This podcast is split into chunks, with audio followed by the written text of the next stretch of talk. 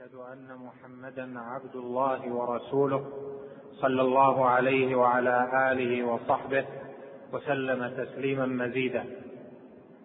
أما بعد فأسأل الله جل وعلا أن يجعلني وإياكم من أهل العلم ومحصليه الذين صحت نياتهم فيه وصح فيه قصدهم واخذوا فيه بالطريق التي سلكها أئمة أهل العلم.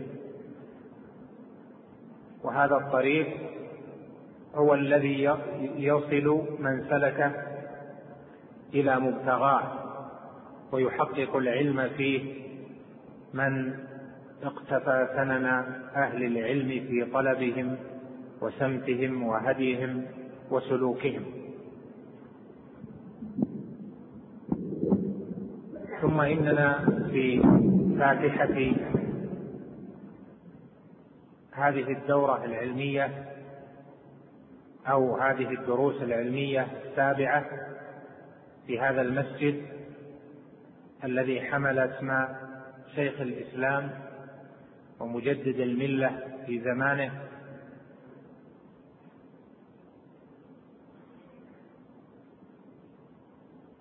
تقي الدين أحمد بن عبد الحليم بن عبد السلام بن تيمية الحراني المتوفى سنة ثمان وعشرين وسبعمائة. إن هذه الدروس لها من الفوائد التي حصلها من التزم بها فيما مضى ولم ومن سيحصلها إن شاء الله تعالى من التزم بها فيما بقي ما يعين على أخذ العلم وسماعه والعناية به ودرسه في أيام قليلة وليال يسيرة إذا نظر إليها الناظر ولكن بالنظر إلى كثرة ما يلقى فيها من العلم وتشرح فيها من الكتب والمتون فإن فيها خيرا كثيرا. نرجو من الله جل وعلا أن يكتب أجر من ألقى من جميع المشايخ ومن استمع ومن أسهم في ذلك وأعان على نشر هذه الدروس العلمية ونظم لها إنه سبحانه جواد كريم. ثم إننا بين يدي شرح كتاب فضل الإسلام نقدم بمقدمة مهمة يحتاج إليها كل طالب للعلم. ألا وهي أهمية العلم في دين الإنسان؟ فالإسلام عظيم أن يكون المرء التزم به وعظيم أن يكون المرء قد أجهد نفسه وجاهد نفسه في أن يكون على حقيقة الإسلام. ولكن لن يكون ذاك إلا بالعلم فالعلم النافع به يصلح القلب وبه يصلح العمل. ولهذا قال الله جل وعلا قل هذه سبيلي أدعو إلى الله على بصيرة أنا ومن اتبعني. ومعنى على بصيرة يعني على علم لأن البصيرة للقلب هي العلم الذي به يبصر حقائق المعلومات ويدرك الصواب فيها.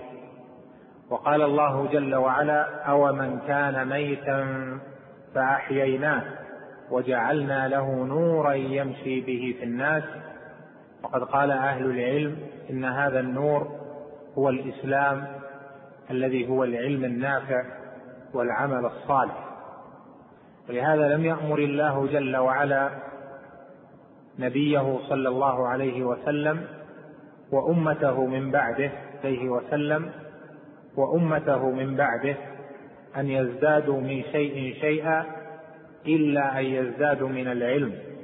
فقال جل وعلا في سورة طه وقل رب زدني علما. رفع الله أهل العلم على سائر المؤمنين لما حصلوه من العلم. فقال جل وعلا يرفع الله الذين آمنوا منكم والذين أوتوا العلم درجات درجات. فكل مؤمن يرفعه الله جل وعلا بإيمانه وكل صاحب علم صحيح من أهل الإيمان فإنه مرفوع على غيره درجات. وهذا من فضل الله جل وعلا على أهل العلم. وطالب العلم إذا سلك علم إذا سلك هذا الطريق فإن الله يسهل له به طريقا إلى الجنة. كما قال عليه الصلاة والسلام في الحديث الصحيح ومن سلك طريقا يلتمس فيه علما سهل الله له به طريقا إلى الجنة. وذلك أن طريق الجنة يكون بصحة الاعتقاد ويكون بصحة العمل. وصحة الاعتقاد لا تكون إلا بعلم وصحة العمل لا تكون إلا بعلم فمن سلك طريقا يلتمس فيه علما من علم التوحيد أو علم الفقه والحلال والحرام سهل الله له به طريقا إلى الجنة لأن الجنة من أسباب دخولها صحة العمل وصحة الاعتقاد. ومن فضل العلم أن العالم يستغفر له كل شيء. العالم يستغفر له كل شيء حتى الحيتان في جوف الماء لأنه سبح وهلل ومجد الله وعظم وأثنى عليه وسار في اتباعه لمحمد عليه الصلاة والسلام عن يقين وعلم ومعرفة. وهذا يكون به الكمال كمال المخلوقات. فيكون أولى المخلوقات بالفضل والرفعة والقربى من الله جل وعلا. لهذا تعرف الأشياء فضل طالب العلم وفضل العالم فيستغفر له كل شيء حتى الحيتان في جوف الماء. ثم لأن كل هذه الأشياء التي جعلها الله جل وعلا غير مكلفة تعرف فضل العالم الذي يعلم الناس الخير والذي يبث في الناس محبة الله جل وعلا. والعلم به وأسمائه وصفاته وما يستحقه جل وعلا من التوحيد وما يستحقه جل وعلا من التعظيم وما يستحقه نبيه صلى الله عليه وسلم من المحبة والمتابعة والعلم بسنته والاقتداء به فحينئذ يكون ممن ينشر في العالم محبة الله جل جلاله والعلم به وهذا شيء يبطل به العالم ما سواه من الكائنات. لهذا يستغفر له كل شيء رضا بما يصنع. حتى الملائكة تضع أجنحتها لطالب العلم رضا بما يصنع لعظيم عمله. لهذا إذا علمت بعض هذه الأشياء فإنك تقبل إقبالا شديدا على العلم في حفظه وتدارسه وحضور حلق العلم ومعرفة ذلك لأن هذا لا يرغب فيه إلا مؤمن صحيح الإيمان ولا يرغب عنه إلا مفرغ وكل من جاهد نفسه في العلم فإنما يجاهد نفسه في صلاح قلبه وصلاح عمله. والعالم أو طالب العلم إذا أذنب فإن استغفاره ليس كاستغفار سواه لأنه إذا استغفر فيكون استغفاره عن علم وبينة وعن معرفة بالله جل وعلا وما يستحق ومعرفة بقصور نفسه وبما ارتكبه وما قصر فيه. لهذا كان سيد علماء هذه الأمة بعد نبيها صلى الله عليه وسلم وأبو بكر الصديق رضي الله عنه فعلمه نبينا صلى الله عليه وسلم أن يدعو في صلاته بقوله اللهم إني ظلمت نفسي ظلما كثيرا ولا يغفر الذنوب إلا أنت فاغفر لي إنك أنت الغفور الرحيم.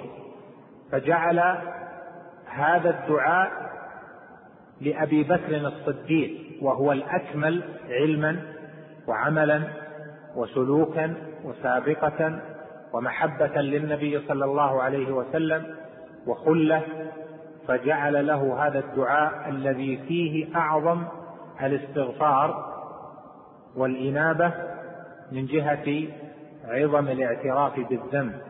رب إني ظلمت نفسي ظلما كثيرا ولا يغفر الذنوب إلا أنت. وكل طالب علم وعالم بقدر معرفته بالله وعلمه بالله جل جلاله وعلمه بتفاصيل الشريعة وعلمه بتفاصيل حق الله في الاعتقاد فإنه يعظم عنده الذنب بل تكون عنده بعض الأعمال مما يوجب الاستغفار ولو كانت عند غيره ليست مما يوجب الاستغفار. ولهذا يعظم تعظم درجة طالب العلم والعالم بقدر ما اكتسبه من علم التوحيد وعلم العمل في عظم استغفاره وإنابته لله جل جلاله. وفي هذا الزمن ربما ترون أن كثيرين أساءوا ظنا بالعلم من جهة بل من جهات. أساءوا ظنا بالعلم في ظن بعضهم أن العلم لا فائدة مرجوة منه بقدر ما يبذل فيه البال. ومنهم من أساء ظنا بالعلم في أنه إذا تعلم فإنما سيكون في نهايته مثل غيره ولن يكون له من الأثر الشيء الكبير الذي يوازي تعبه في العلم. ومنهم من أساء الظن بالعلم بأن الأهم هو الدعوة للناس والإرشاد والبذل ونحو ذلك والعلم ليس في الأثر كأثر النشاط والدعوة ونحو ذلك. ومنهم من أساء ظنا بالعلم بأن العلم لن يكون لأصحابه شأن. وأن الشأن إنما هو لغيرهم إما من أهل الدنيا وإما من أهل الاتجاهات المختلفة في هذه الحياة وهذا كله هذه الأشياء جميعا من سوء الظن بالشريعة لأن العلم هو الشريعة والواجب على طالب العلم أن يحسن ظنه بالله جل وعلا. وأن يحسن ظنه بحمله للعلم وأن يحسن ظنه بالعلم والعمل جميعا وأن يقبل على ذلك. ولقد أحسن ابن القيم رحمه الله تعالى إذ يقول والجهل داء قاتل وشفاؤه أمران في التركيب متفقان نص من القرآن أو من سنة وطبيب ذاك العالم الرباني. والعلم أقسام ثلاث ما لها من رابع والحق ذو تبيان. علم بأوصاف الإله وفعله وكذلك الأسماء للديان والأمر والنهي الذي هو دينه وجزاؤه يوم المعاد الثاني. والكل في القرآن والسنن التي جاءت عن المبعوث بالفرقان. والله ما قال امرؤ متحذلق بسواهما إلا من الهذيان. وقد قال أحد العلماء أيضا في منظومة له بل في شعر له لا تسئ بالعلم ظنا يا فتى إن سوء الظن بالعلم عطب وهذا حق فإننا جربنا ورأينا بأن كل من أساء ظنا بالعلم وتخلف عن سبيل حملة العلم ودرس ثم انتهى. درس ثم ترك ولم يستمر في العلم إلا كان أمره إلى غير كمال. فالعلم به كمال الروح به كمال الاعتقاد به كمال العمل به كمال انشراح الصدر به كمال رؤية الأشياء به كمال الأمن في ألا يتصرف شيئا إلا على وفق الشريعة. وقد ذكر أهل العلم أن من أسباب ضلال الضالين من هذه الأمة أنهم ضلوا لأنهم لم يكونوا على علم صحيح. فالعلم الصحيح سبب من أسباب وقاية الفتن ووقاية أسباب الضلال والافتراق إلى غير ذلك من آثار ترك العلم. لهذا أوصيكم ونفسي بالمحافظة على العلم وعلى حمله وحفظه وتدارسه وأن يتعاهد المرء ما درسه وأن يقبل على ما لم يعلمه بأخذه عن مشايخه الذين يوثق بهم في فهمهم للعلم وفي أدائهم له لأن هذا به إن شاء الله تعالى صلاح النفس وصلاح العمل. أسأل الله جل وعلا أن يزيدنا وإياكم من الهدى والعلم. وأن يجعلنا من عباده الصادقين المخلصين وأن يغفر لنا ذنوبنا إنه سبحانه جواد كريم. اقرأ. بسم الله الرحمن الرحيم. الحمد لله رب العالمين وصلى الله وسلم على نبينا محمد وعلى آله وصحبه أجمعين. قال المصنف رحمه الله تعالى كتاب فضل الإسلام. قال رحمه الله تعالى باب فضل الإسلام. وقول الله تعالى اليوم أكملت لكم دينكم وأتممت عليكم نعمتي ورضيت لكم الإسلام دينا. وقوله تعالى قل يا أيها الناس إن كنتم في شك من ديني فلا أعبد الذين تعبدون من دون الله ولكن أعبد الله الذي يتوفاكم. الآية. وقوله تعالى يا أيها الذين آمنوا اتقوا يا أيها الذين آمنوا اتقوا الله وآمنوا برسوله. يؤتكم كفلين من رحمته ويجعل لكم نورا تمشون به ويغفر لكم والله غفور رحيم. وفي الصحيح عن ابن عمر رضي الله تعالى عنهما أن رسول الله صلى الله عليه وسلم قال مثلكم ومثل أهل الكتابين كمثل رجل استأجر أجراء فقال من يعمل لي من غدوة إلى نصف النهار على قراط فعملت اليهود. ثم قال من يعمل لي من نصف النهار إلى صلاة العصر على قراط فعملت النصارى. ثم قال من يعمل لي من صلاة العصر إلى أن تغيب الشمس على قيراطين فأنتم هم. فغضبت اليهود والنصارى وقالوا ما لنا أكثر عملا وأقل أجرا. قال هل نقصتكم من حقكم شيئا؟ قالوا لا.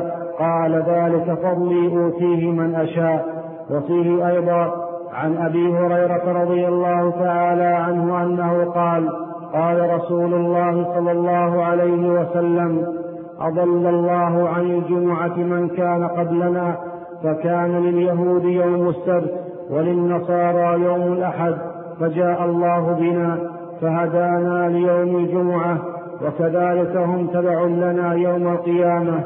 نحن الآخرون من أهل الدنيا والأولون يوم القيامة.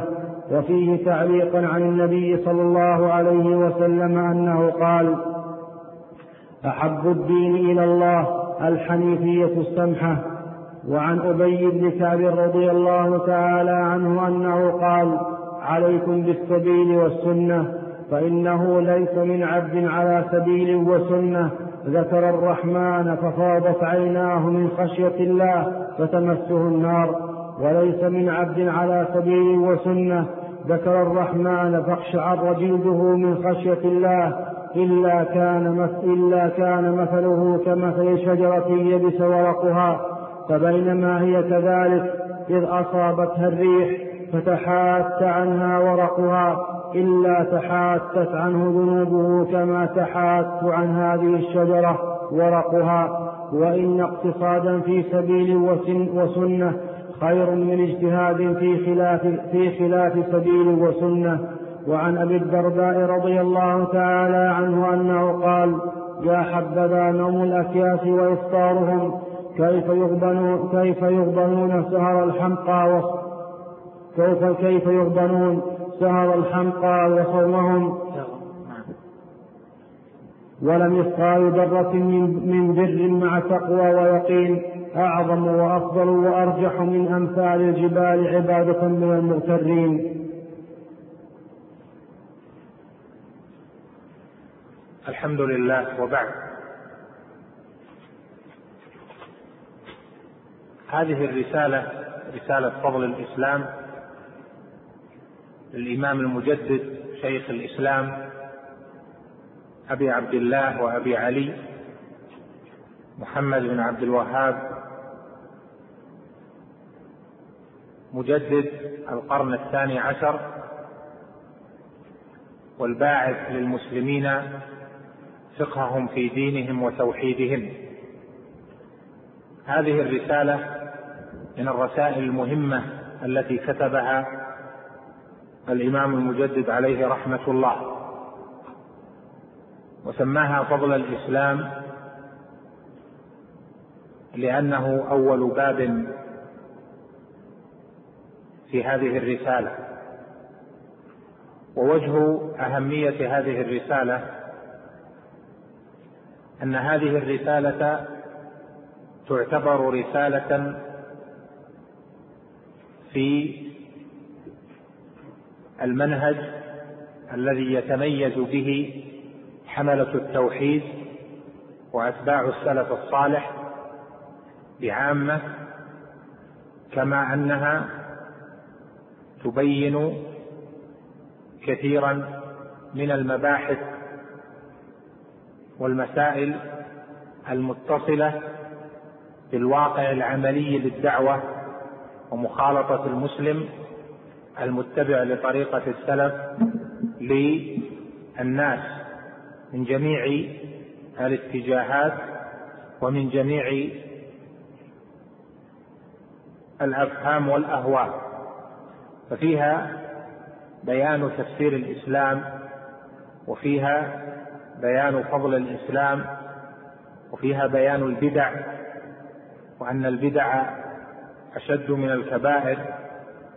وفيها بيان معاني الانتماء.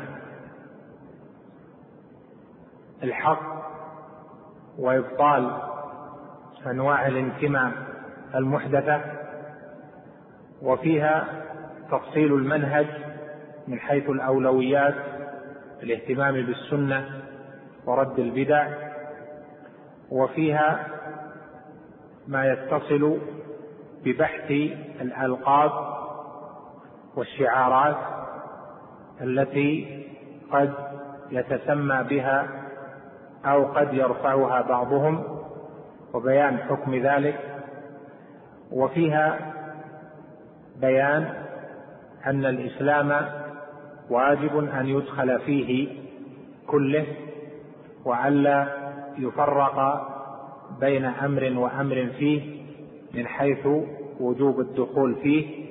والإيمان بذلك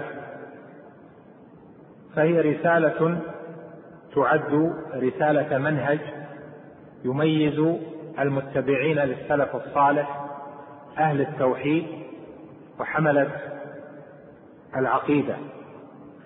وقد ألفها الإمام المجدد رحمه الله لسد هذه الثغرة العملية التي ادرسها من واقع معاشرته بل من واقع قيادته للمؤمنين في الدعوة وفي العلم حيث ظهر له ضرورة تبيين هذه المسائل لكن على طريقته رحمه الله في أنه إنما يذكر الباب ويذكر تحته الآيات والأحاديث التي تدل على ذلك وبعض أقوال السلف. وهذه منهجية في التأليف اعتمدها في كثير من أو في الأكثر من مؤلفاته رحمه الله تعالى. ومن أوجه الاهتمام بهذه الرسالة فضل الإسلام أنها لم تشرح من أبناء الشيخ رحمه الله ولا من تلامذته القريبين منه كما شرحت رسائل أخرى وبينت وفصلت ككتاب التوحيد وكغيره من الكتب والرسائل والنبذ التي كتبها عليه رحمة الله. والحاجة في كل زمان قائمة إلى هذه المعاني التي اشتملت عليها هذه الرسالة. لهذا كانت العناية بها مهمة. وقد سبق لي منذ بضع سنين أن شرحت هذه الرسالة في مجالس كثيرة واشتمل ذلك الشرح على اطناب في بعض الأبواب وعلى اختصار في بعضها. ونرجو إن شاء الله تعالى أن يكون هذا الشرح مشتملا على مقاصد الكتاب وعلى إيضاحات مهمة تفهم مقصود المؤلف وتقرر المنهج السلفي ومنهج أهل التوحيد في هذه المسائل وتقرر ما يتميز به حملة السنة عن غيرهم في الاعتدال في القول والاعتدال في العمل والنظرة الصحيحة للأمور وفق السنة لا وفق الأهواء المختلفه قال رحمه الله تعالى بسم الله الرحمن الرحيم وبه نستعين. باب فضل الإسلام.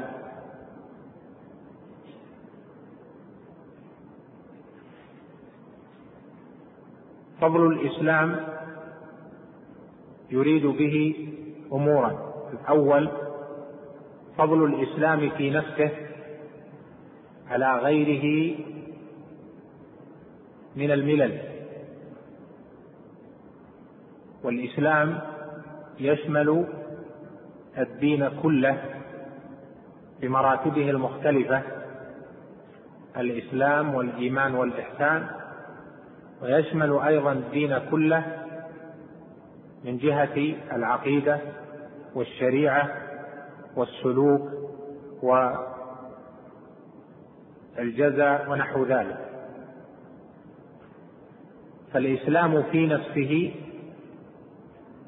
فضل غيره وصار مفضلا على غيره بتفضيل الله جل وعلا.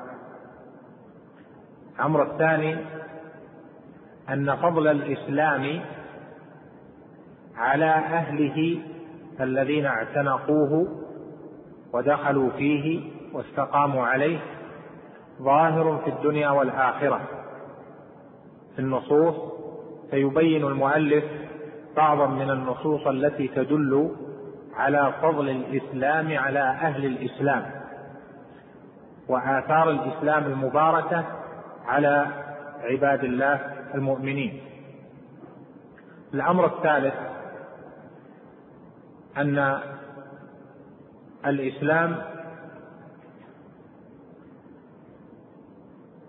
تحمله أمة وهذه الأمة لأجل حملها للإسلام صارت مفضلة على غيرها وصارت خيرا من غيرها. كما قال تعالى كنتم خير أمة أخرجت للناس. سبك الآية كنتم للناس خير أمة أخرجت. وذلك لفضل هذه الأمة في نفسها بما حملت من الدين ولفضلها على غيرها من الأمم.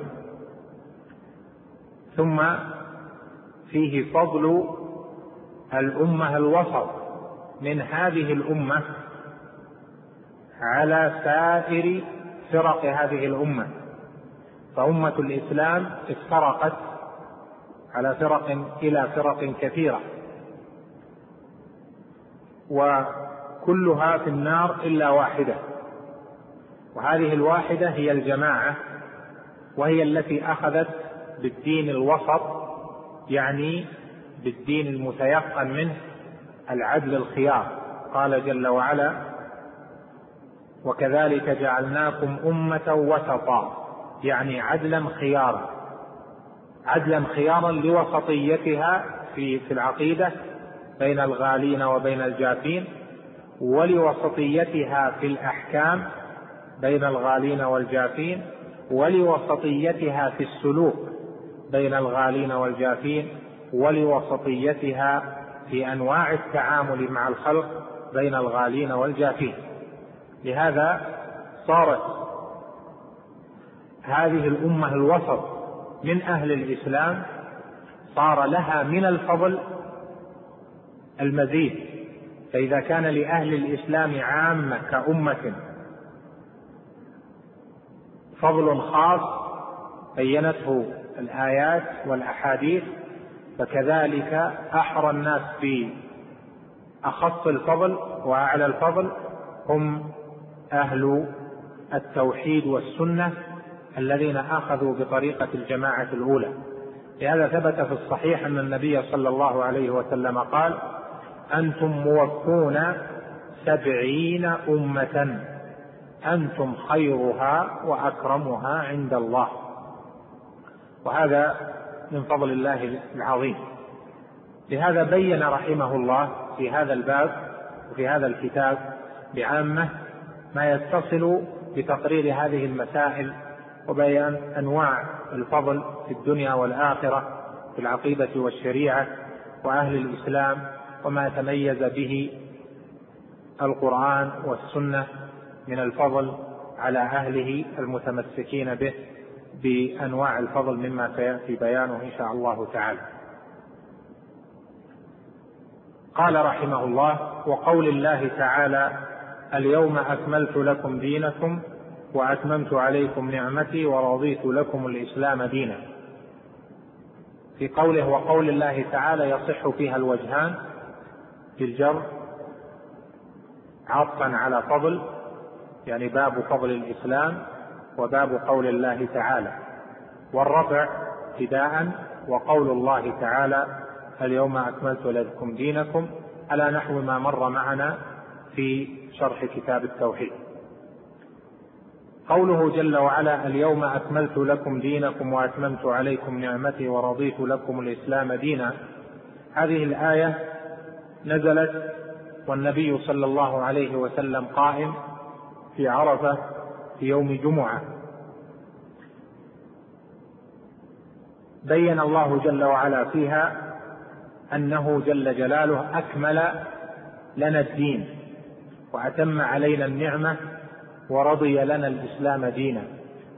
وإكمال الدين يعني أن هذا الدين وهو دين الإسلام بعقيدته وبشريعته وبمصادره من الكتاب والسنة وما دل عليه الكتاب والسنة من الأدلة أن هذا قد أكمله الله جل وعلا. فأكمل لنا الدين فلم يعد فيه زيادة لمستزيد وهذا من فضل الإسلام أن غيره من الملل لم تكن كاملة بل كان الناس بعدها يحتاجون إلى أشياء فلا يجدونها. فجعل الله جل وعلا هذا الدين كاملا حتى لا يكون فيه زيادة لمستزيد قد كان من قبلنا دخلوا في كثير من البدع وكثير من السلوكيات عن جهل منهم تارة وعن علم تارة. لكن في الإسلام وفي دلائله من الكتاب والسنة فيه من بيان الأصول التي تدل على كمال الدين وعلى أن أصول الدين وعقائد الملة أنها ظاهرة بينة واضحة ما تجعل أهل الإسلام في أمنة أن يكونوا أن يكونوا ضالين عن الحق كما ضل من قبلنا أو يكونوا زائغين عنه لعدم علمهم به. فالعلم به ظاهر وإكمال الله لنا الدين بين فلذلك من الله على الناس بهذا الإكمال حيث قال اليوم أكملت لكم دينكم. قال وأتممت عليكم نعمتي والنعمة نوعان نعمة دينية ونعمة دنيوية. والإسلام له فضل في الجهتين. فمن الجهة الدينية الإسلام بمصادره من الكتاب والسنة فيه البيان لما يحتاجه الناس في أمر دينهم بحيث لا يلتبس. من أراد الحق لا يلتبس الطريق على من أراد الحق. وفيه أيضا فضل على أهل الإسلام في النعمة الدنيوية لأن الله جل وعلا وعد من تمسك بالإسلام أنه يكون في حياة طيبة كما قال جل وعلا من عمل صالحا من ذكر أو من ذكر أو أنثى وهو مؤمن فلنحيينه حياة طيبة. والحياة الطيبة تشمل الطمأنينة في هذه الدنيا وتشمل الأمن وتشمل سعة الرزق وتشمل الرضا ونحو ذلك مما لا تكون الحياة الطيبة إلا به ولا يكون الاطمئنان والعيش الرغد إلا به. مهما كثر المال أو كثرت زخارف الدنيا فلا تستقيم إلا بالطمأنينة والرضا والأنس بالله جل جلاله. وهذه كفلها كفلها الدين لأهل لأهله لأهل الإسلام. قال ورضيت لكم الإسلام دينا. والإسلام إذا رضيه الله جل وعلا لعباده دينا فمعنى ذلك أنه سبحانه وتعالى يرضى عمن أخذ بهذا الإسلام. ويرضى عمن استقام على الإسلام ودخل فيه. وإذا كان كذلك فأهله مرضي عنهم. وإذا كانوا مرضيا عنهم من الله جل وعلا فهم إذا مخصوصون بتوفيق الله جل وعلا ومعيته الخاصة. قال سبحانه إن الله مع الذين اتقوا والذين هم محسنون. ومعية الله جل وعلا المعية الخاصة هي لمن رضي عنه فمن رضي عنه قولا وعملا و وذلك بتمسكه بالإسلام اعتقادا وعملا فإنه يحظى بالمحبة من الله جل جلاله والتوفيق والهدى وهذه كلها فيها من الآثار في الدنيا والآخرة ما لا يدخل تحت حصر. إذا دلت الآية كما هو مراد المؤلف رحمه الله أن الإسلام كمل وأن الله أتم علينا النعمة الدنيوية والدينية وأنه رضي الإسلام دينا ورضي عن أهله الذين أخذوا به وهذا من محبة الله جل وعلا للإسلام لهذا الدين ومن فضل الدين على أهله أنه كان سببا في فضل الله جل وعلا ومحبته وإنعامه وإكمال الأمر لأهل الإسلام. وإذا تأملت في غيرنا فإنك ستجد أن الله جل وعلا لم يمنحهم من الفضل كما منح هذه الأمة. ولهذا وجب على المؤمن أن يتبين فضل الله جل وعلا عليه وأن لا يمن على الله بعمله أو أن لا يمن على الله جل وعلا بعبادته وبسلوكه فإن الله جل وعلا هو صاحب المنة لو كانوا يعقلون.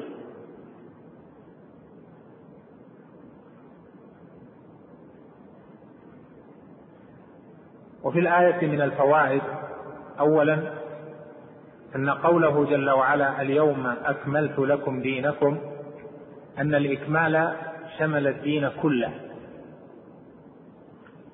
والدين ينقسم بأحد في أحد الاعتبارات إلى عقيدة وشريعة. وإكمال الدين يعني إكمال العقيدة وإكمال الشريعة. والعقيدة لها وسائل لإثباتها والعلم بها. وإثبات الغاية إثبات للوسيلة. فإثبات كمال الغاية وإثبات كمال الوسائل. ففي الآية دليل على أن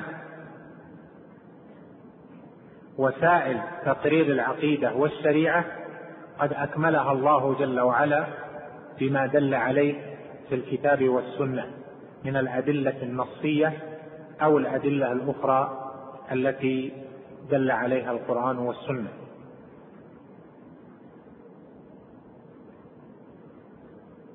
فعقيدة الإسلام أكملها الله فلا يمكن أن يكون في غير الكتاب والسنة من الدين ما هو أكمل مما فيهما. ولهذا بطل قول الفلاسفة وأهل الكلام وأهل الفرق بعمومها في أنهم راموا الكمال في طرق عقلية أو فلسفات كلامية راموا الكمال فيها فأخذهم النقص. حتى قال قائلهم طريقة السلف أسلم لكن طريقة الخلف أعلم وأحكم ويريدون أيضا أكمل. وهذا دل دلت الآية على بطلانه لأن إكمال الدين لا يكون إلا بإكمال وسائل إثبات. وإذا كانت وسائل إثباته كاملة فإن الطرق المختلفة التي أحدثت وسائل أخرى إنها ظاهرة البطلان. الفائدة الثانية قوله جل وعلا: رضيت لكم الإسلام دينا في قوله لكم ما يدل على أن الإسلام الذي رضي هو الإسلام الخاص الذي صار سمة هذه الأمة. وإلا فكلمة الإسلام تشمل رسالة كل رسول لأن كل رسول بعث بالإسلام. لكن في قوله لكم ما يدل على أن الإسلام الذي رضيه الله جل وعلا هو الإسلام الخاص الذي من لم يدخل فيه فإنه ليس بمسلم. بعد مجيء النبي صلى الله عليه وسلم. وأما قبل ذلك فمن أسلم الإسلام الذي أمر به الرسول الذي جاءه فإنه يكون مسلما مرضيا. ولكن بعد بعثة النبي صلى الله عليه وسلم فإنه لا إسلام إلا الإسلام الخاص. وهذا يشمل مراتب الدين الثلاثة الإسلام والإيمان والإحسان. والدين هو كل ما يدين به الناس ويجعلونه إلفا لهم وديدنا لهم وهو في أصله مأخوذ من الديدن. هذا ديدنه يعني هذا ما اعتاده ما اعتاده والتزمه. دنته يعني التزمته والدين سمي بذلك لأنه ملتزم. والدين كذلك هو الطريقة الملتزمة. فإذا اعتقد شيئا والتزمه صار له دينا وإذا عمل بشيء وتلفه صار له دينا حتى تصير حتى تصير الأنظمة التي تلتزم في اللغة تسمى دينا كما قال الله جل وعلا في قصة يوسف عليه السلام ما كان ليأخذ أخاه في دين الملك. سمى طريقة الملك في الأحكام في مسألة السرقة وأن الذي سرق يؤخذ أسيرا أو رقيقا عقابا له على سرقته سماه الله جل وعلا دينا لأنه التزام لحكم في كل حال. لهذا صار الدين دين الملك في قصة يوسف هو ما التزمه الملك في رعيته حين ذاك من الشرائع. إذا كانت الشريعة مخالفة لشريعة الإسلام يصح أن يقال لغة إن هذا دين كذا لأنه يدان به ويلتزم. فإذا في قوله رضيت لكم الإسلام دينا أن كل التزام يلتزمه الناس في أمور العقائد أو في أمور الشرائع والأحكام والأقضية أو في أمور السلوك أو في أمور الدعوة والمنهج. إذا التزموه ويكون ليس مدلولا عليه بنص القرآن أو بنص السنة أو بما حكم به السلف أو أئمة الإسلام فإنه بدلالة الآية يمكن أن يقال إن الله لم يرضه دينا لأنه ما رضي دينا إلا دين الإسلام على النحو الذي أوضحنا. قال رحمه الله بعدها وقوله تعالى قل يا أيها الناس إن كنتم في شك من ديني فلا أعبد الذين الذي فلا أعبد الذين تعبدون من دون الله ولكن أعبد الله الذي يتوفاكم. مناسبة الآية ودلالتها أن الإمام المصلح رحمه الله تعالى يريد أن الدين والإسلام له فضل على أهله الذين اتضحت لهم فيه معالمه أو في أمور الدعوة والمنهج إذا التزموه ويكون ليس مدلولا عليه بنص القرآن أو بنص السنة أو بما حكم به السلف أو أئمة الإسلام فإنه بدلالة الآية يمكن أن يقال إن الله لم يرضه دينا لأنه ما رضي دينا إلا دين الإسلام على النحو الذي أوضحنا قال رحمه الله بعدها وقوله تعالى قل يا أيها الناس إن كنتم في شك من ديني فلا أعبد الذين الذي فلا أعبد الذين تعبدون من دون الله ولكن أعبد الله الذي يتوفاكم مناسبة الآية ودلالتها أن الإمام المصلح رحمه الله تعالى يريد أن الدين والإسلام له فضل على أهله الذين اتضحت لهم فيه معالمه حيث إنهم يسلمون من براثن الشهوات وبراثن الشبهات وهي أعظم. وإذا وردت الشكوك فإن صاحب الدين يسلم من التردد فيها فيكون عند فيكون حينئذ عنده البصر الناسف والبصيرة التامة عند حلول الشبهات وعند حلول الشكوك. لهذا قال جل وعلا قل يا أيها الناس إن كنتم في شك من ديني فلا أعبد الذين تعبدون من دون الله. فإذا وقعت الشكوك من أهل الشرك أو أهل البدع أو أهل الضلالات وأوقعوها لدى المؤمن وعرضوها عليه فإن من فضل الإسلام على المؤمن على المسلم إذا علمه وتمسك به وصار له به النور في قلبه أنه لا يتأثر بتلك الشبه ولا يتأثر بتلك الشكوك كما كان إمامنا عليه الصلاة والسلام قويا فيما واجه به المشركين حيث قال لهم يا أيها الناس إن كنتم في شك من ديني يعني من دين الإسلام والتوحيد الذي جئت به فلا أعبد الذين تعبدون من دون الله ولكن أعبد الله الذي يتوفاكم. أعلن كلمة التوحيد لا إله إلا الله التي فيها النفي وفيها الإثبات. وهذا من فضل الإسلام على أهله أن صاحب الإسلام الذي علم دين الإسلام بالأدلة وعلم العقيدة وتبين له التوحيد واعتقد ذلك عن علم وبينة وبصيرة ويقين أن الله إنهم يسلمون من براثن الشهوات وبراثن الشبهات وهي أعظم. وإذا وردت الشكوك فإن صاحب الدين يسلم من التردد فيها فيكون, فيكون حينئذ عنده البصر النافذ والبصيرة التامة عند حلول الشبهات وعند حلول الشكوك.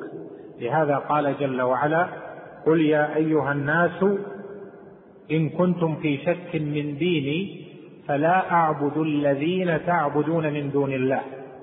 فإذا وقعت الشكوك من أهل الشرك أو أهل البدع أو أهل الضلالات وأوقعوها لدى المؤمن وعرضوها عليه فإن من فضل الإسلام على المؤمن على المسلم إذا علمه وتمسك به وصار له به النور في قلبه أنه لا يتأثر بتلك الشبه ولا يتأثر بتلك الشكوك كما كان إمامنا عليه الصلاة والسلام قويا فيما واجه به المشركين حيث قال لهم يا أيها الناس إن كنتم في شك من ديني يعني من دين الإسلام والتوحيد الذي جئت به فلا أعبد الذين تعبدون من دون الله ولكن أعبد الله الذي يتوفاكم.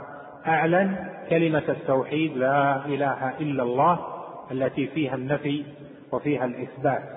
وهذا من فضل الإسلام على أهله أن صاحب الإسلام الذي علم دين الإسلام بالأدلة وعلم العقيدة وتبين له التوحيد واعتقد ذلك عن علم وبينة وبصيرة ويقين أن الله جل وعلا يحميه عند حلول الشبهات وعند حلول الشكوك فلا يتردد ولا يزيغ ومن أعظم أسباب الزيغ أن أن ترد الشبهة فلا يجد ما يرد به تلك الشبهة. لكن كلما قوي الإيمان كلما قوي الإسلام والعلم بتفاصيل الإسلام في عقيدته وشريعته فإن المرء يكون قويا معتزا بالإسلام لا تؤثر فيه شبهة وإذا عرض له وإذا عرض له شك أو عرض له عارض من شبهة أو شك أو ريب فإنه يرده بقوة. وهذا من آثار وفضل الإسلام على أهل الإسلام أن الله جل وعلا يثبتهم وأن الله جل وعلا يقذف في قلبهم النور وأن الله جل وعلا لا يكلهم إلى أنفسهم بل يعينهم ويسددهم عند حلول الشبهات. وهذا مجرب واقع فإنما صمد في كل زمن في عند حلول الفتن. إنما صمد أهل العلم بالإسلام وأهل العلم بالشريعة أهل العلم بالعقيدة والسنة فإنهم صمدوا ونفعوا وكان لهم الأثر على أنفسهم وعلى الأمة في كل زمان ومكان. ومن كلام شيخ الإسلام ابن تيمية رحمه الله تعالى أنه قال ولعلماء الحديث وحملته في كل زمان من العلم بالدين ومن القوة عند حلول الشبهات يعني معنى كلامه ومن القوة عند حلول الشبهات ما يفضلون به غيرهم حتى إنك تجد عندهم من اليقين والعلم التام عند حلول الشبه على الإسلام والسنة ما يتعجب منه المرء لكن هذا بفضل الله جل وعلا. وبرحمته. وكذلك من كان معهم في حمل الحديث والسنة والعناية بذلك فإن الله جل وعلا يقوي يقينهم ويعظم معرفتهم وعلمهم حتى يكونوا ثابتين أقوياء عند حلول الشبهات وعند ورود الشكوك والريب. أو كما قال رحمه الله تعالى هذا معنى كلامه. فإذا دلت الآية على أن الإسلام له فضل على أهله فضل عظيم في أن المسلم إذا استمسك بالتوحيد وأسلم الإسلام الكامل لله جل وعلا فإنه تقوى عزته ويقوى يقينه فلا يلفته حينئذ عن دينه لافت. ولا يصرفه عن دينه. صارف بل يثبته الله جل وعلا على القول الثابت في الحياة الدنيا وفي الآخرة. ثم قال رحمه الله وقوله تعالى يا أيها الذين آمنوا اتقوا الله وآمنوا برسوله يؤتكم كفلين من رحمته ويجعل لكم نورا تمشون به ويغفر لكم والله غفور رحيم. في هذه الآية مناسبة عظيمة لفضل الإسلام وهو أن الله جل وعلا خاطب المؤمنين بأنهم إن حققوا الإسلام بما يشمل المراتب الثلاث إن حققوا الإسلام واتقوا الله وآمنوا برسوله فإن الله جل وعلا يتفضل عليهم لأجل هذا التمسك منهم وعلى ولأجل استعصامهم بالله جل وعلا واعتصامهم بحبله ودينه المتين فإن الله جل وعلا يمن عليهم بثلاثة أنواع من الفضل. الأول أنه يؤتيهم كفلين من رحمته. وهذا كما قال هنا يؤتكم كفلين من رحمته. والكفلين يريد بها الحظين يعني يؤتكم حظين عظيمين من رحمته. وهذان الحظان العظيمان تشمل الأجر بأن الله جل وعلا يضاعف الأجر للمؤمن فكل مسلم يؤتيه الله جل وعلا مرة يؤتيه الله جل وعلا أجره مرتين يعني يضاعف له الأجر والثواب منة من الله جل وعلا وتكرم وأيضا يؤتكم كفلين من رحمته يشمل الرحمة التي تقوم بها الحياة رحمة الدنيا وأيضا رحمة الآخرة.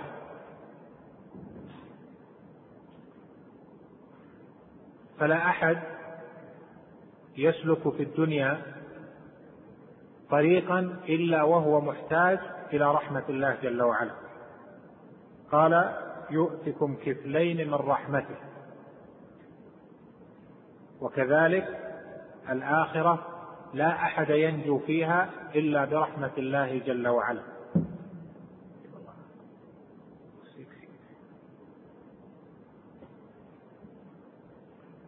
فإذا شملت الآية أن الله جل وعلا تفضل على أهل الإسلام بأنه يؤتيهم كفلين من رحمته رحمة الدنيا ورحمة الآخرة. الفضل الثاني قال ويجعل لكم نورا تمشون به. والنور الذي يمشون به هو نور العلم واليقين والبصيرة. قد دارت تفاسير السلف على أن النور الذي يمشى به هو نور العلم واليقين والبصيرة. فإذا استقام المرء حقيقة على الإسلام وجاهد نفسه في تقوى الله والإيمان برسوله فإن الله جل وعلا يمنحه العلم بتهيئة سبله له. وبمحبة أهله وبسماع كلامهم فيجعل له نورا يمشي به. وها هنا وقفة في أن الله جل وعلا من أسمائه النور؟ والنور في أسمائه جل وعلا له أثر في الشريعة في أن الله جل وعلا جعل رسوله صلى الله عليه وسلم نورا. وجعل الكتاب الذي هو القرآن نورا. وجعل في قلوب المؤمنين أيضا في العلم نورا. قال جل وعلا قد جاءكم من الله نور وكتاب مبين. والنور هنا في أحد التفسيرين هو الرسول صلى الله عليه وسلم لأنه عطف عليه الكتاب. أو على القول الثاني أنه الكتاب لكن نوع وصفه.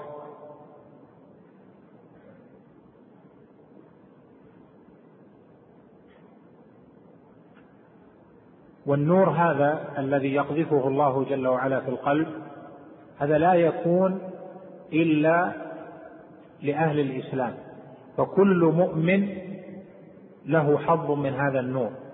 لكن إنما يعظم هذا النور بعظمة تحصيل الإسلام والاستقامة عليه عقيدة وشريعة.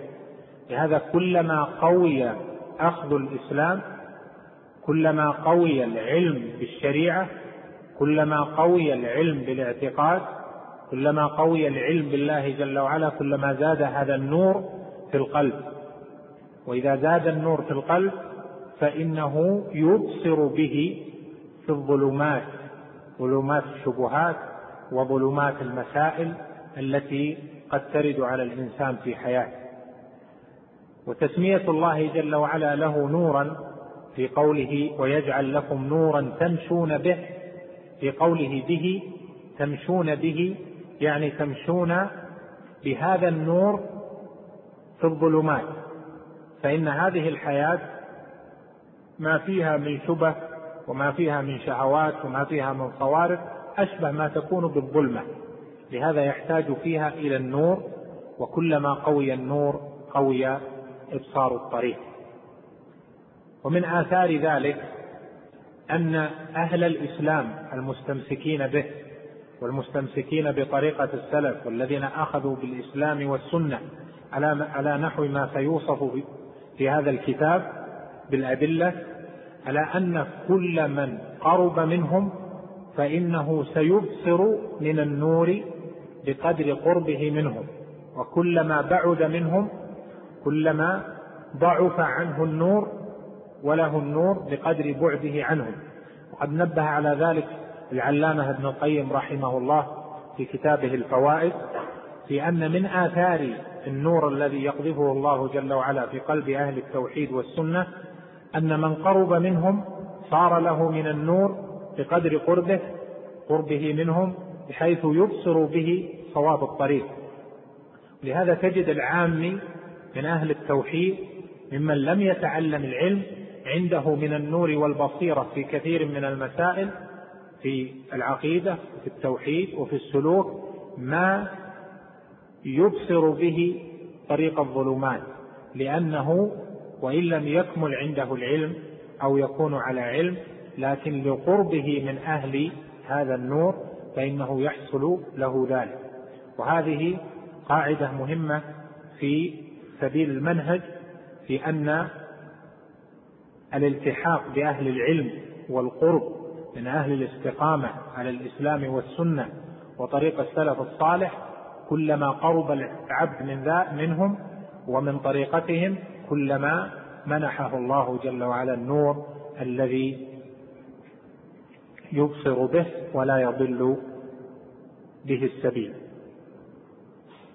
أما الفضل الثالث في هذه الآية ففي قوله تعالى ويغفر لكم والله غفور رحيم فمن فضل الإسلام على أهله أن الإسلام بتحقيقه سبب عظيم من أسباب المغفرة.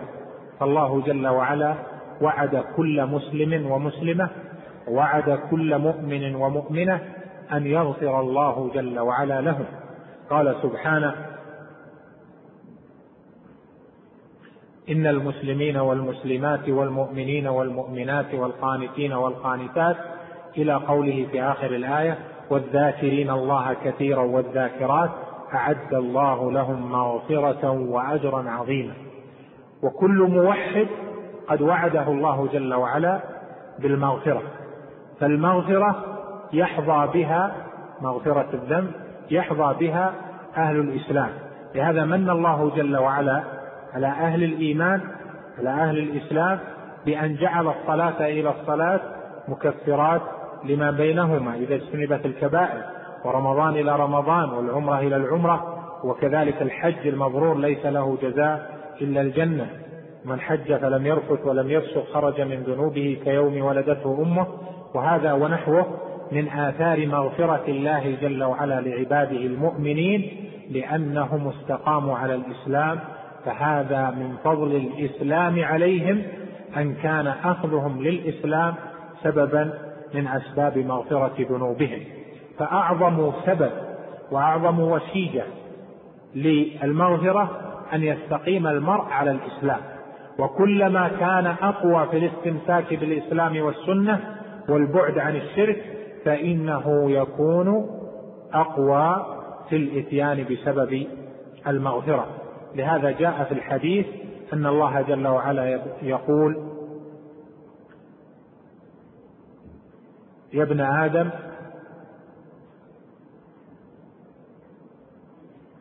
لو أتيتني بقراب الأرض خطايا ثم لقيتني لا تشرك بي شيئا لقيتك بقرابها مغفرة. يعني بملء الأرض خطايا فإن الله جل وعلا يأتي بقرابها مغفرة.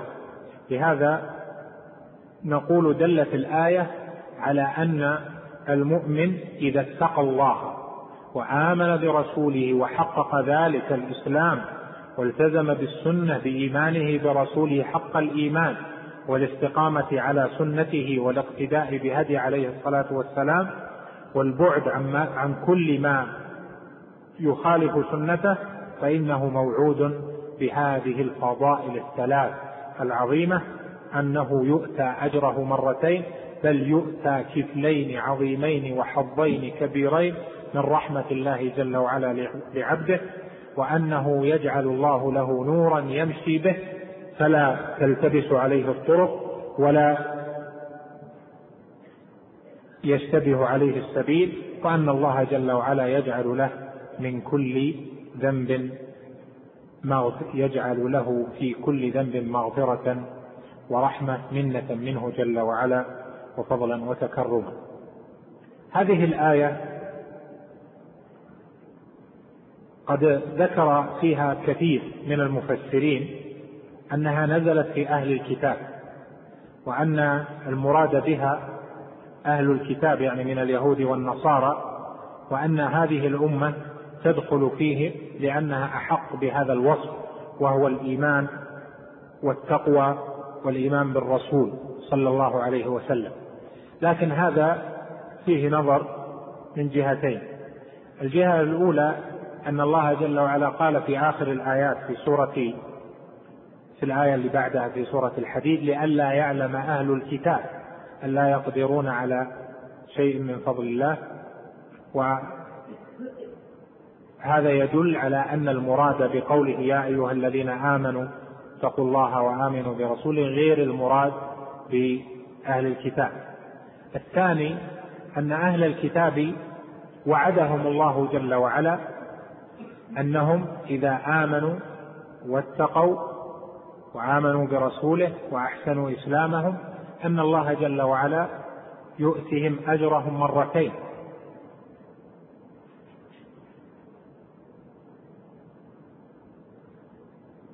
كما جاء في سورة القصص وكما جاء في قول الله في قول النبي صلى الله عليه وسلم ثلاثة يؤتون أجرهم مرتين وذكر منهم رجل من أهل الكتاب آمن بنبيه ثم آمن بمحمد صلى الله عليه وسلم فهذا يؤتى أجره مرتين. فأهل الكتاب إذا استقام وآمن وأسلم فإنه يؤتى أجره مرتين لكنهم ليسوا هم المقصودين بهذه الآية. التنبيه الثاني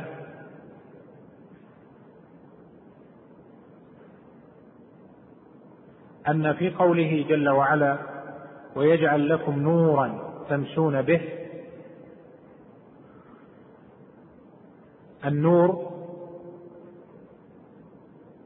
كما ذكرت لك يعبر عنه في التفسير بعدة تعبيرات.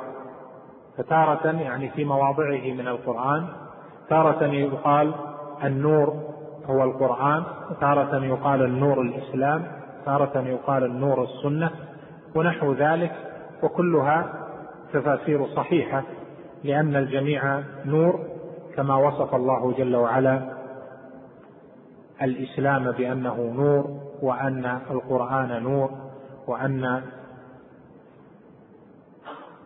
نبيه صلى الله عليه وسلم نور إلى آخره.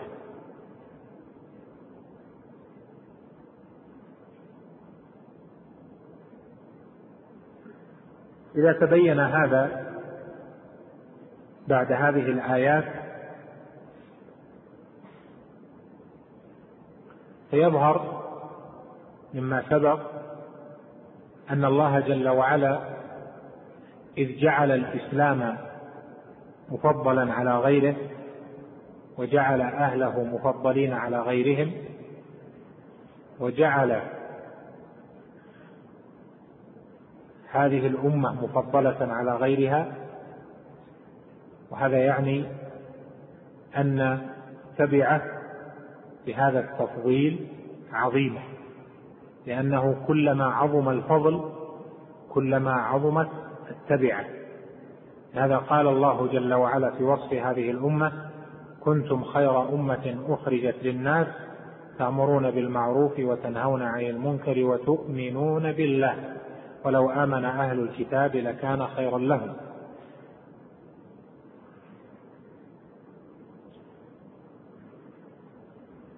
فالقرآن هو أفضل الكتب لأسباب والنبي صلى الله عليه وسلم هو أفضل الأنبياء والمرسلين لأسباب جاءت في الكتاب والسنة يعني أسباب هذا التفضيل. وهذه الأمة أفضل بنص الكتاب والسنة كما مر معنا. إذا كان كذلك فإنه كلما زاد الفضل كلما زادت التبعة لأن الله جل وعلا يؤاخذ الفاضل بما لا يؤاخذ به غيره ويؤاخذ العالم بما لا يؤاخذ به من ليس بعالم.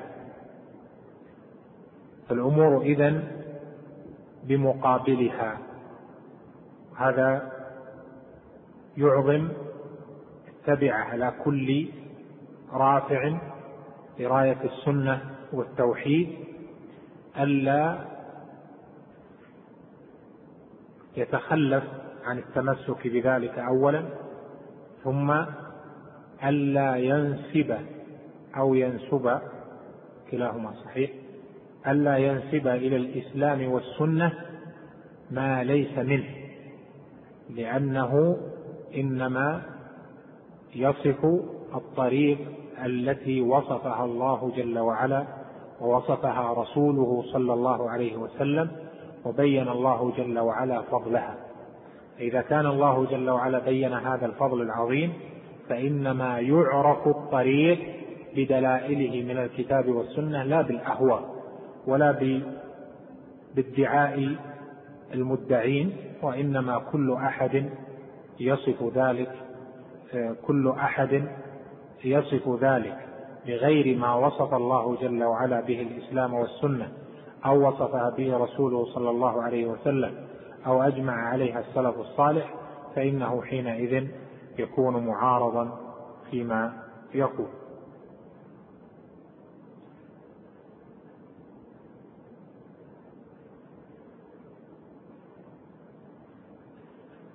قال رحمه الله تعالى بعد ذلك وفي الصحيح عن ابن عمر رضي الله عنهما أن رسول الله صلى الله عليه وسلم قال مثلكم ومثل أهل الكتابين كمثل رجل استأجر أجره.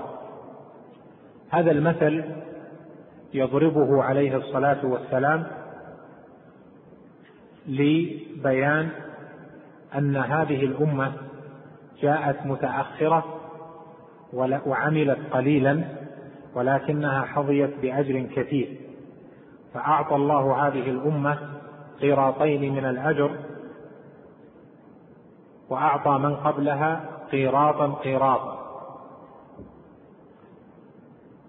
مع قصر مدتها وقلة حملها. وهذا فيه فضل الله جل وعلا على أهل الإسلام فيما شرعه من شرائع وفيما اختصهم به من حيث الزمان ومن حيث المكان. قوله عليه الصلاة والسلام مثلكم ومثل أهل الكتابين كمثل رجل استأجر اجراء يعني المثل من جهة الزمن مدة العمل والأجر. وعبر هنا عليه الصلاة والسلام بقوله كمثل رجل استأجر أجرا والممثل به الله جل جلاله.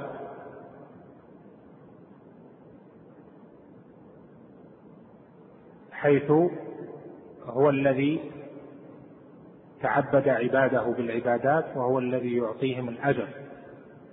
عبر بقوله كمثل رجل لأنه في القرآن تمثيل الحقوق بحق الله جل وعلا وحق عباده ونحو ذلك بالرجل ومن يعمل عنده. كقوله جل وعلا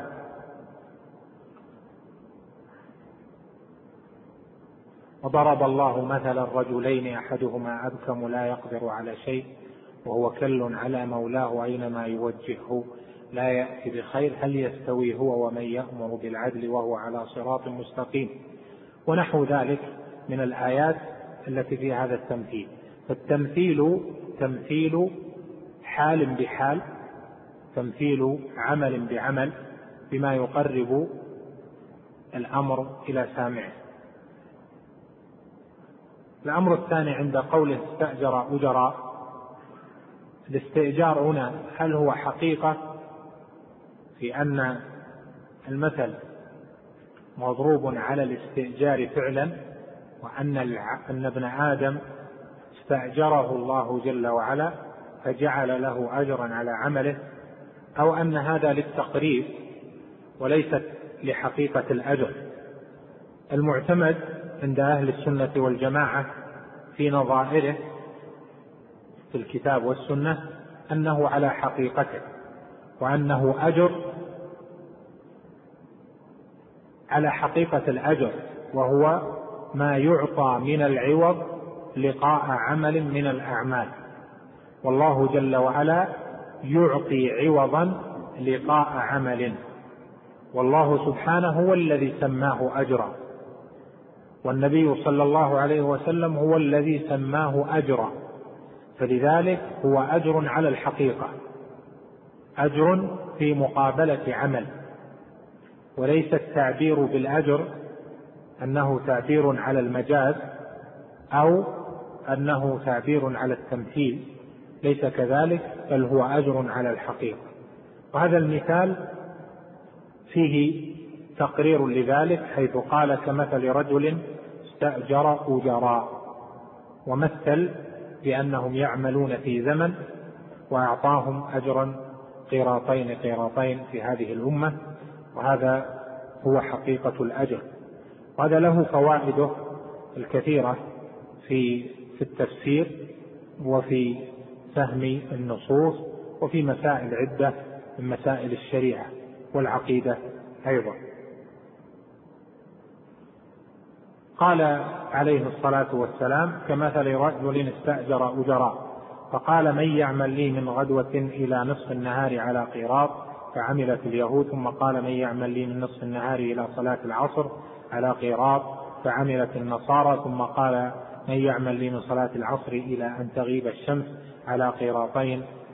فأنتم هم فغضبت اليهود والنصارى وقالوا ما لنا أكثر عملا وأقل أجرا؟ قال هل نقصتكم من حقكم شيئا؟ قالوا لا. قال ذلك فضلي أوتيه من أشاء. مناسبة الحديث للباب أن هذه الأمة اختصها الله جل وعلا من بين الأمم بفضل زيادة الأجر وهذا أحد أوجه تفضيل هذه الأمة على غيرها وأحد أوجه تفضيل الإسلام أوجه فضل الإسلام على هذه الأمة. فهذا في زيادة الأجر. ومن أنواع الفضل الأخرى ما ذكرت في الآية التي قبل أن الله جل وعلا يجعل للمؤمنين نورا وأنه يغفر لهم وأنه يغفر لهم. وأيضا مما جاء من الفضل في النصوص غير ما ذكر أن هذه الأمة لا تجتمع على ضلال والمقصود بها أمة المؤمنين المستمسكين بما كان عليه النبي صلى الله عليه وسلم فإنها لا تجتمع على ضلال. كما قال جل وعلا ومن يشاقق الرسول من بعد ما تبين له الهدى ويتبع غير سبيل المؤمنين نوله ما تولى ونصله جهنم وساءت مصيرا فقال ويتبع غير سبيل المؤمنين. وسبيل المؤمنين هو سبيل هذه الأمة التي لم تفترق ولم تتفرق في دينها. أما الذين تفرقوا في دينهم شيعا فهؤلاء ليسوا معدودين في الإجماع. وقد جاء في حديث لا تجتمع أمتي على ضلالة وهو مروي من طرق يحسنها يعني بمجموعها عدد من أهل العلم في السنن وفي غيرها.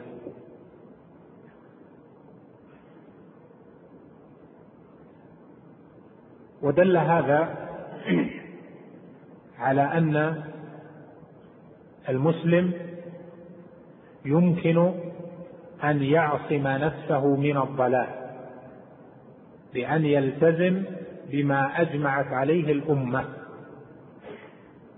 فمن التزم في العقيدة بما أجمعت عليه الأمة عند حلول الأقوال المختلفة والأهواء المتباينة فإنه على سبيل نجاة لأنه أخذ بالجماعة وأخذ بما أجمعت عليه الأمة وهذا مصدر نجاة بالاتفاق وأيضا من آثارها على المسلم أن عدم اجتماع الأمة على ضلالة وأن الأمة إنما تجتمع على حق وهدى لا على ضلالة أنه ييسر له سلوك السبيل والاستقامة مع من مشوا خلف طريق الجماعة قبل أن تفسد الجماعة لأن الطرق تباينت والأمة اختلفت فإذا أراد المرء الطريق الحق فإنه يبحث عمن تمسك بما كانت عليه الجماعة قبل أن تفسد يعني بما كانت عليه الجماعة إذ لم تجتمع على ضلالة إذ كان اجتماعها على حق وهدى.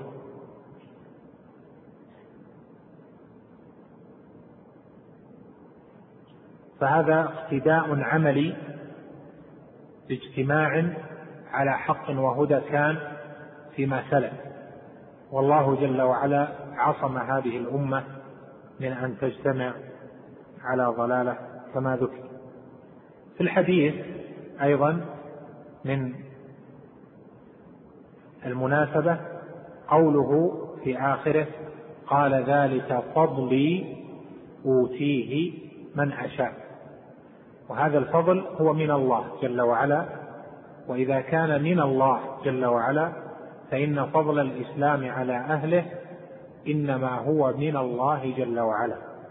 وهذا يجعل المسلم دائم التعلق بالله جل وعلا معرفة منه بفضل ربه عليه في دينه هداية وفي أجره عليه. فمن الذي هدى عباده للإسلام؟ هو الله جل وعلا. من الذي هداك للاستقامة على السنة؟ هو الله جل وعلا. من الذي تفضل عليك بالنور؟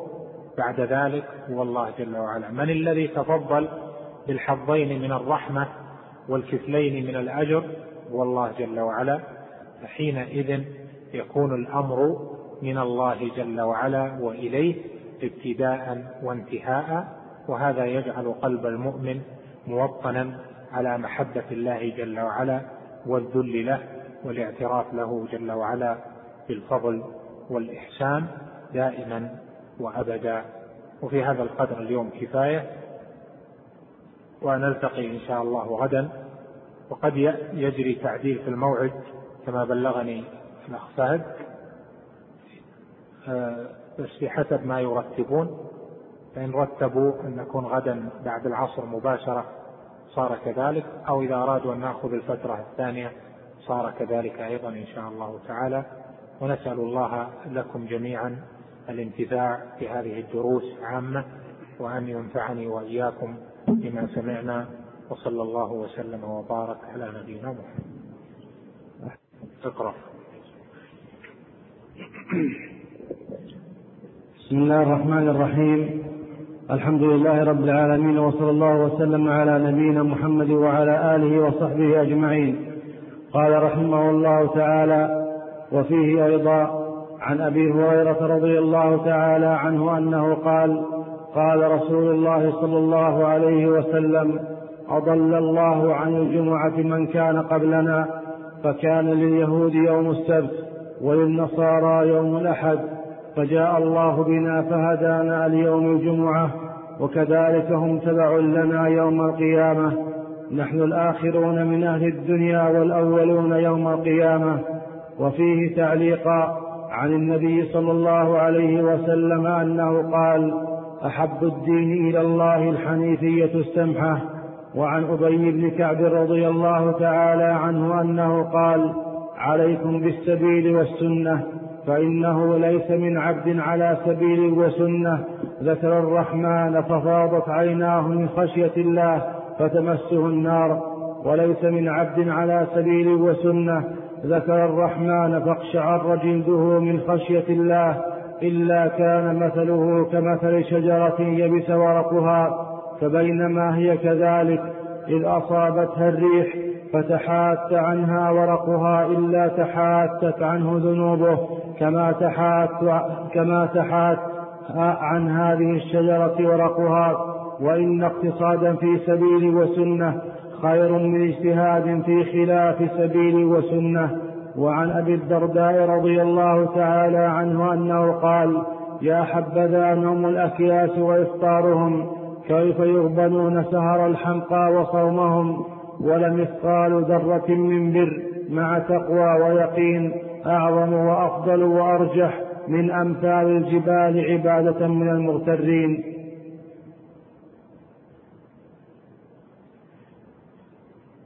بسم الله الرحمن الرحيم. الحمد لله والصلاة والسلام على رسول الله وعلى آله وصحبه ومن اهتدى بهداه. اللهم إنا نسألك علما نافعا وعملا صالحا وقلبا خاشعا. اللهم علمنا ما ينفعنا وانفعنا بما علمتنا وزدنا علما وعملا.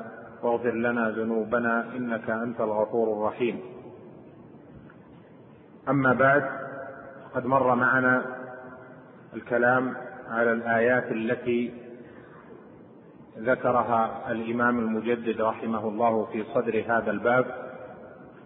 بل وفي صدر هذا الكتاب مما يدل على فضل الإسلام في نفسه وفضله على أهله وفضل هذه الأمة وما حبى الله جل وعلا هذه الأمة بعامة وما ميز به شريعة الإسلام من الفضائل.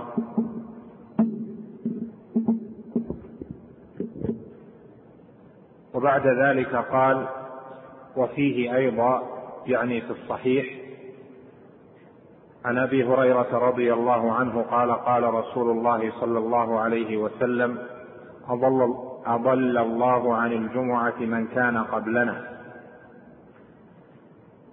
فكان لليهود يوم السبت وللنصارى يوم الأحد فجاء الله بنا فهدانا ليوم الجمعة وكذلك هم تبع لنا يوم القيامة. نحن الآخرون من أهل الدنيا والأولون يوم القيامة. قوله هنا وفيه أيضا يعني في في الصحيح وهذا عطف على الكلام الذي سبق حيث قال في فيما سبق وفي الصحيح عن ابن عمر رضي الله عنه. والعلماء يعبرون بقولهم وفي الصحيح خاصة المتأخرين منهم وتارة يعنون أنه يكون في الصحيحين معا وتارة يعنون أنه يكون في البخاري وهو الأكثر وتارة يعنون أنه في مسلم. وربما عطفوا واحدا على واحد ويكون أحدهما البخاري والثاني مسلم. ولذلك لا يشترط في العطف أن يكون مخرج الحديث واحدا بل العطف على ظاهره في أن المراد أن يكون الحديث مخرجا في الصحيح إما أن يكون في البخاري أو في مسلم أو فيهما معا. وقوله هنا عليه الصلاة والسلام أضل الله عن الجمعة من كان قبلنا بيانه أن الله جل جلاله ابتلى الأمم من قبلنا في يوم يتخذونه عيدا. فأمرهم بيوم وأعمى ذلك اليوم عليهم. فاجتهدوا فيه فاجتمعت اليهود وأجمعت على أن ذلك اليوم هو يوم السبت. وأخطأوا في ذلك ثم بعدهم النصارى أمروا بيوم يتخذونه عيدا يكون عيد الأسبوع ويجتمعون فيه فاجتمعوا على أن يكون يوم الأحد فأخطأوا في ذلك فأضل الله جل وعلا الأمتين من قبلنا عن اليوم الذي اختاره الله جل وعلا في علمه وهو يوم الجمعة وهو يوم الجمعة. وفي هذا دليل على أن الأمم من قبلنا قد تجتمع على غلط وتجتمع على خطأ حتى قبل التحريف وأن الله جل وعلا يضل أمما بمحض حكمته سبحانه وتعالى لما عملوه أو ليكون الفضل لغيرهم عليهم. وهذا من الابتلاء الذي ظهر به فضل هذه الأمة وسابقتها مع كونها أمة متأخرة في الزمان.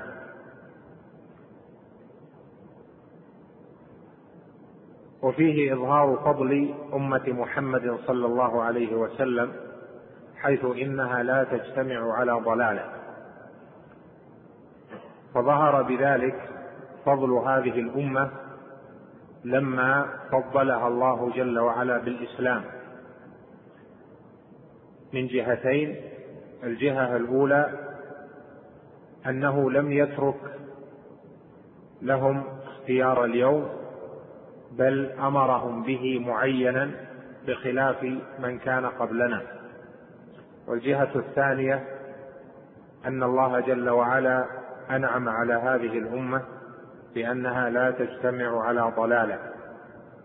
قد ذكرت لكم أمس أنها هذا اللفظ لا تجتمع أمتي على ضلالة مروي من طرق يشد بعضها بعضا وهي ضعيفة الأسانيد وبعضها شديد الضعف لكن يشهد بعضها لبعض. مما جعل عددا من أهل العلم يعدونه في الأحاديث الحسنة.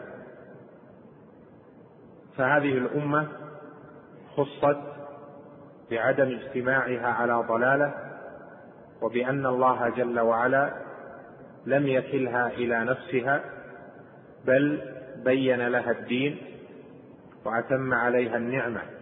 كما قال جل وعلا اليوم أكملت لكم دينكم وأتممت عليكم نعمتي ورضيت لكم الإسلام دينا.